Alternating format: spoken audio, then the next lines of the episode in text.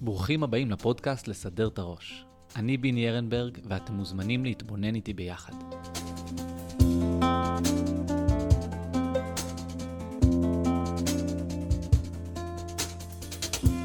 לא כולם יודעים, אבל השם של חסידות חב"ד הוא ראשי תיבות חוכמה, בינה ודעת, השכל של האדם. אפשר לשמוע על חסידות חב"ד ולחשוב שמדובר בתורה קרה ושכלתנית, שאין לה שום קשר למידות וללב.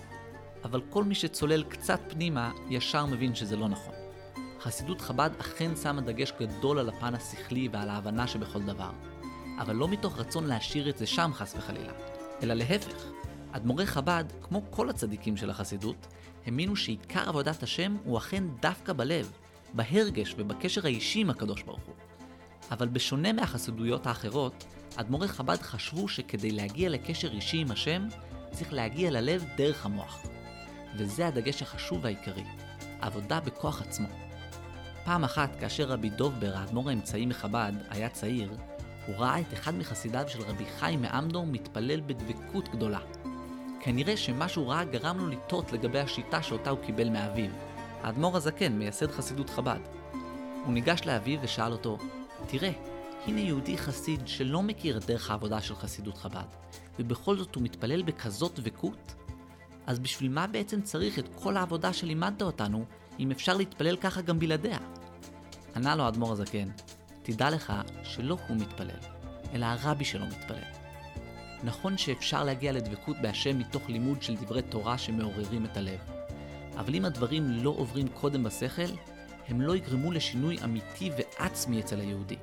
למעשה הוא תמיד יישאר תלוי בצדיק, וכל הדבקות שלו בהשם לא תהיה בכוח עצמו, אלא בכוח הצדיק שלו. לכל יהודי יש חידוש מיוחד משלו שהוא צריך להביא לעולם. חידוש שרק הוא יכול לחדש. לא מדובר רק על חידושי תורה במובן הפשוט של הביטוי. זה יכול להתבטא באין ספור דרכים שונות, מהלחנת ניגונים ועד פתיחת מרכז יהדות בחו"ל. אבל ככה או ככה, כדי למלא את השליחות האמיתית שלי בעולם, עליי למצוא בתוכי את הנקודה האלוקית הייחודית שלי ולפרוץ איתה החוצה. להאמין שאכן יש בי נקודה אלוקית, ולא לפחד לתת לה את המקום שלה.